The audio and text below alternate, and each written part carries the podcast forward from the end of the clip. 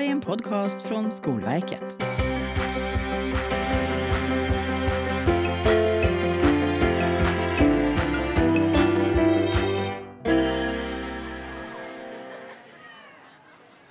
Hej och välkomna till Skolverkspodden. Jag heter Susanne Myrdal och idag återvänder vi till tema ämnesbetygsreformen.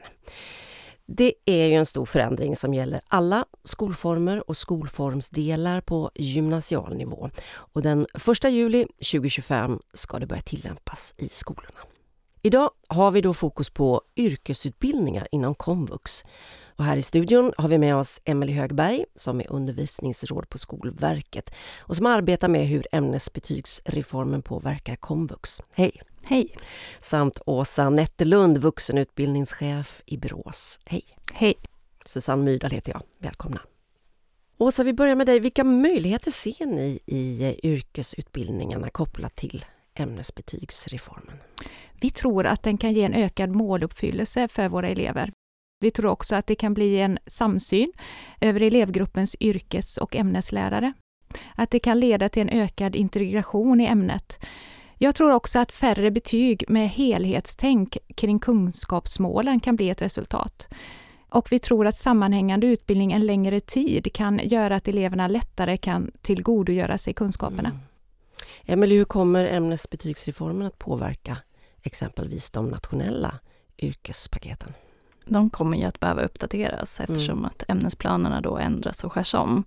Så det kan handla både om att eh, yrkespaketen behöver bli ämnesutformade men också att ämnesinnehåll kan ha flyttat till andra ämnen helt enkelt. Men vi ser ju att det här kommer påverka yrkespaketen eh, lite olika i olika omfattning. Mm. Eh, exempelvis yrkespaketen kopplade till vård och omsorg, undersköterska och vårdbeträde eh, tror vi kommer kunna hållas relativt intakt eftersom mm. de nyligen har gjorts om. Då. Hur kan man då tänka som skolchef när man ska planera och organisera för implementeringen av ämnesbetyg på yrkesutbildningarna just för att få yrkeslärarna att få bästa förutsättningar för att förbereda sig? Jag tänker att det är jätteviktigt att man tar till sig remissen och att även om man inte är remissinstans, att man ändå sätter sig ner och svarar på det. Att man ger våra lärare, och pedagoger och rektorer eh, tid till att eh, ta till sig remissen, eh, läsa in sig, att mm. man skapar gemensamma diskussioner för hur arbetssätt kan förändras. På studiedagar att pedagogerna får diskutera tillsammans för att komma fram till ett gemensamt och säkerställt samsyn kring ämnesplanerna. Att man skapar förutsättningar för att kunna gå på konferenser, att delta i webbinarium från både Skolverket och SKR för att eh, diskutera kring det och sätta sig in i ämnesbetygsreformen. Jag tror också att det är viktigt att vi får de statliga stöden från Skolverket när det gäller implementering och hur vi ska tänka till övergångarna till ämnesbetyg, att vi får det i tid. Mm. Eh, för den första i sjunde 2025 så, så drabbar det komvux först kan vi säga. Mm. Eh, och då måste vi ha i god tid innan fått implementeringsverktyg för att få förutsättningar till att kunna gå över till ämnesbetyg kunna genomföra det och jobba med det tidigt. Vad tänker du om det, Emelie? Jag instämmer med vad Åsa säger mm. såklart här, att det är viktigt att ge tid så att man hinner sätta sig in i vad den här ämnesbetygsreformen kommer att innebära för mig specifikt som lärare eller som rektor. Så. Eh, men att man också tar sig tiden att tycka till om remissen då. Eh, och även ta del av de, de stödinsatser som vi tar fram från mm. Skolverket. Mm. Eh, och då kan jag ju passa på att tipsa om just den sidan som mm. heter Så kan ni implementera ändrade styrdokument. Eh, den riktar sig just till rektor och skolchef och handlar om hur man kan jobba med, med implementeringen i hela styrkedjan eh, och även hur man kan koppla ihop det med till exempel systematiskt kvalitetsarbete. Jag tänker ju också på det du säger Åsa om att få tid. Vi är ju väl medvetna om att verksamheten har behov att få ta del av förordningsändringarna då och vad det kommer innebära för komvux. Och det handlar ju om att man ska kunna planera för den här övergångsperioden 2025 till 2030 som kommer att betyda att man som komvux då under en period kommer erbjuda både kursutformad utbildning och ämnesutformad utbildning. Mm. Exempelvis kan ju det handla om en elev som påbörjar en kurs innan 1 juli 2025 mm. men fortfarande ska kunna läsa klart sin kurs och få betyg utifrån ett kursutformat system. Då. Just det. Eh, så det är viktigt och vi vill ju även fortsatt, fortsättningsvis kunna erbjuda stöd som vi har idag, exempelvis verktyget för examensplaneraren. Den riktar sig in idag på kurser eh, och ett kursutformat system. Så det tittar vi på hur vi kan fortsätta att erbjuda stöd när det blir ämnesbetyg.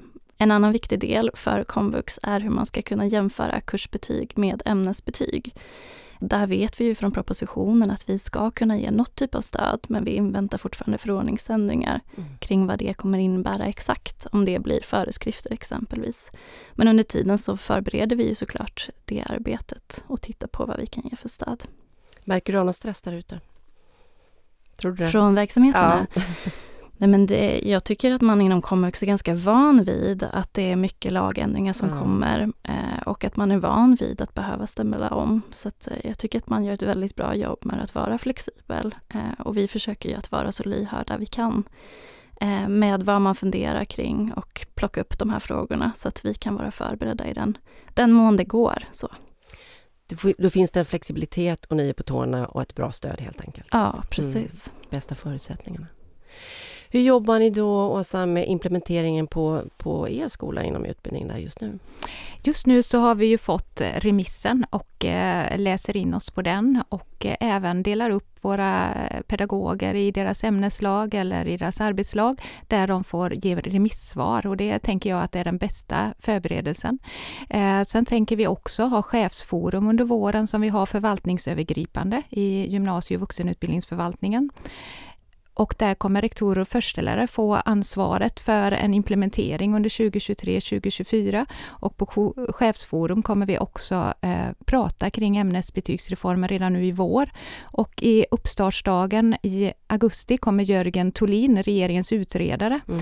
komma och, och berätta om eh, ämnesbetygsreformen och både lite bakgrund och lite vad han ser framåt. Och jag tänker att det viktiga är att, att faktiskt få förutsättningar, att ge verksamheten förutsättningar och de behöver tid. De behöver få eh, diskutera kring det. Man får skapa intresse och nyfikenhet och följa vad Skolverket har att erbjuda och kunna ge förutsättningar att de får tid till att ta del av det. Vad tror du risken är om tiden blir för knapp? Jag tror det är jätteviktigt att vi får det i tid för att lärarna ska få förutsättningar till att förbereda sig, att skapa rutiner kring övergången. Hur kommer övergången se ut när man både har kurser och eh, nivåer i, samtidigt? Mm. Så tid är eh, nummer ett tror jag. Nummer ett, den första faktorn ja. för att det ska fungera smärtfritt och, och bli bra i slutändan. Emelie, det händer en hel del på komvuxområdet. Eh, det är inte bara ämnesbetygsreformen som är igång. Nej, det stämmer bra det.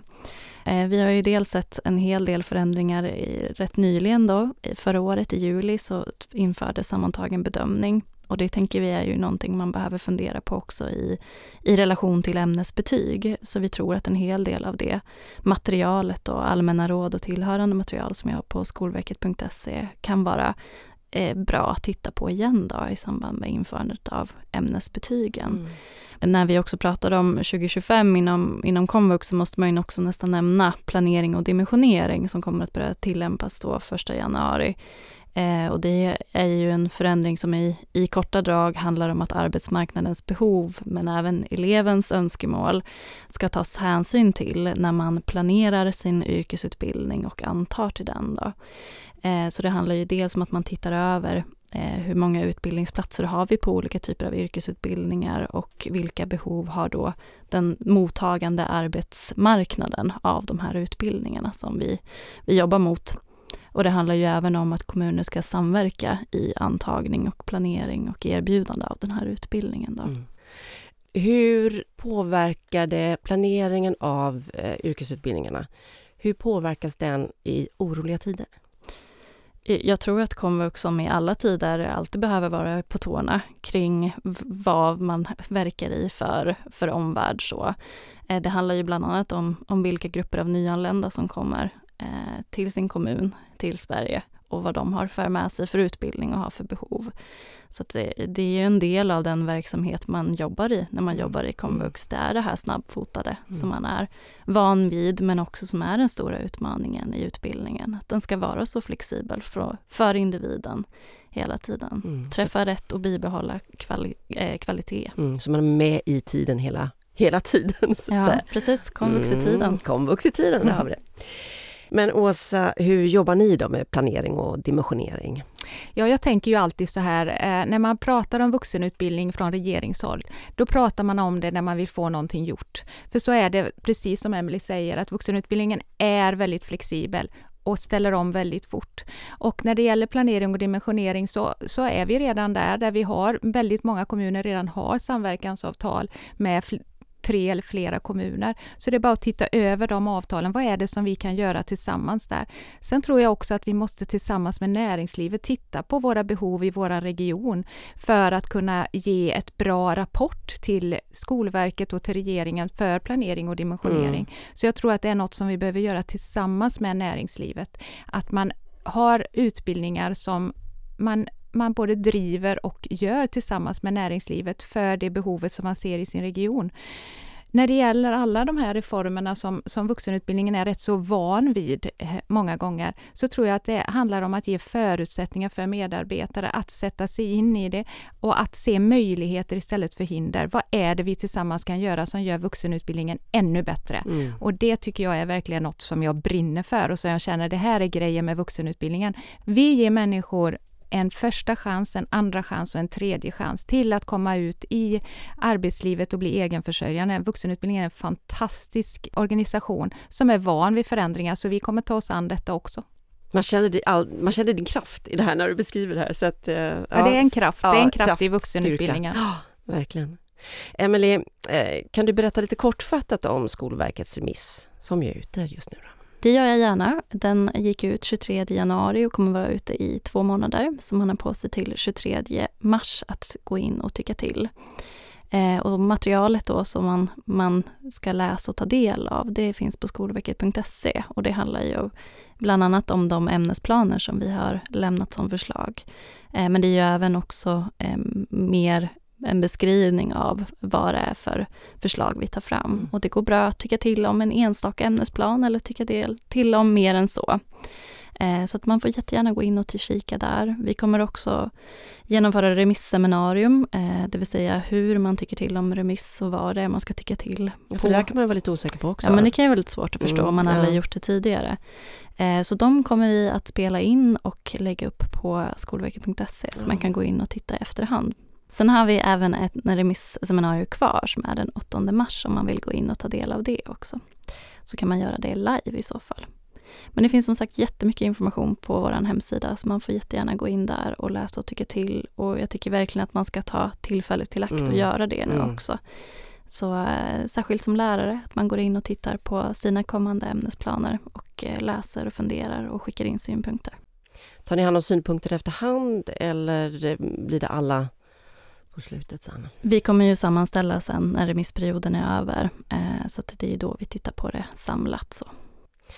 Ni har skapat alla förutsättningar för att man kan vara med i det här helt enkelt eh, mm. på bästa möjliga sätt och eh, lämna sina tankar och åsikter och kommentarer.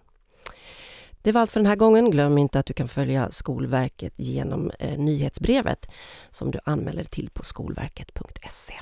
Tack för den här gången säger jag till Åsa Netterlund, vuxenutbildningschef i Borås och Emelie Högberg, undervisningsråd på Skolverket. Jag heter Susanne Myrdal. Tack för att du lyssnade.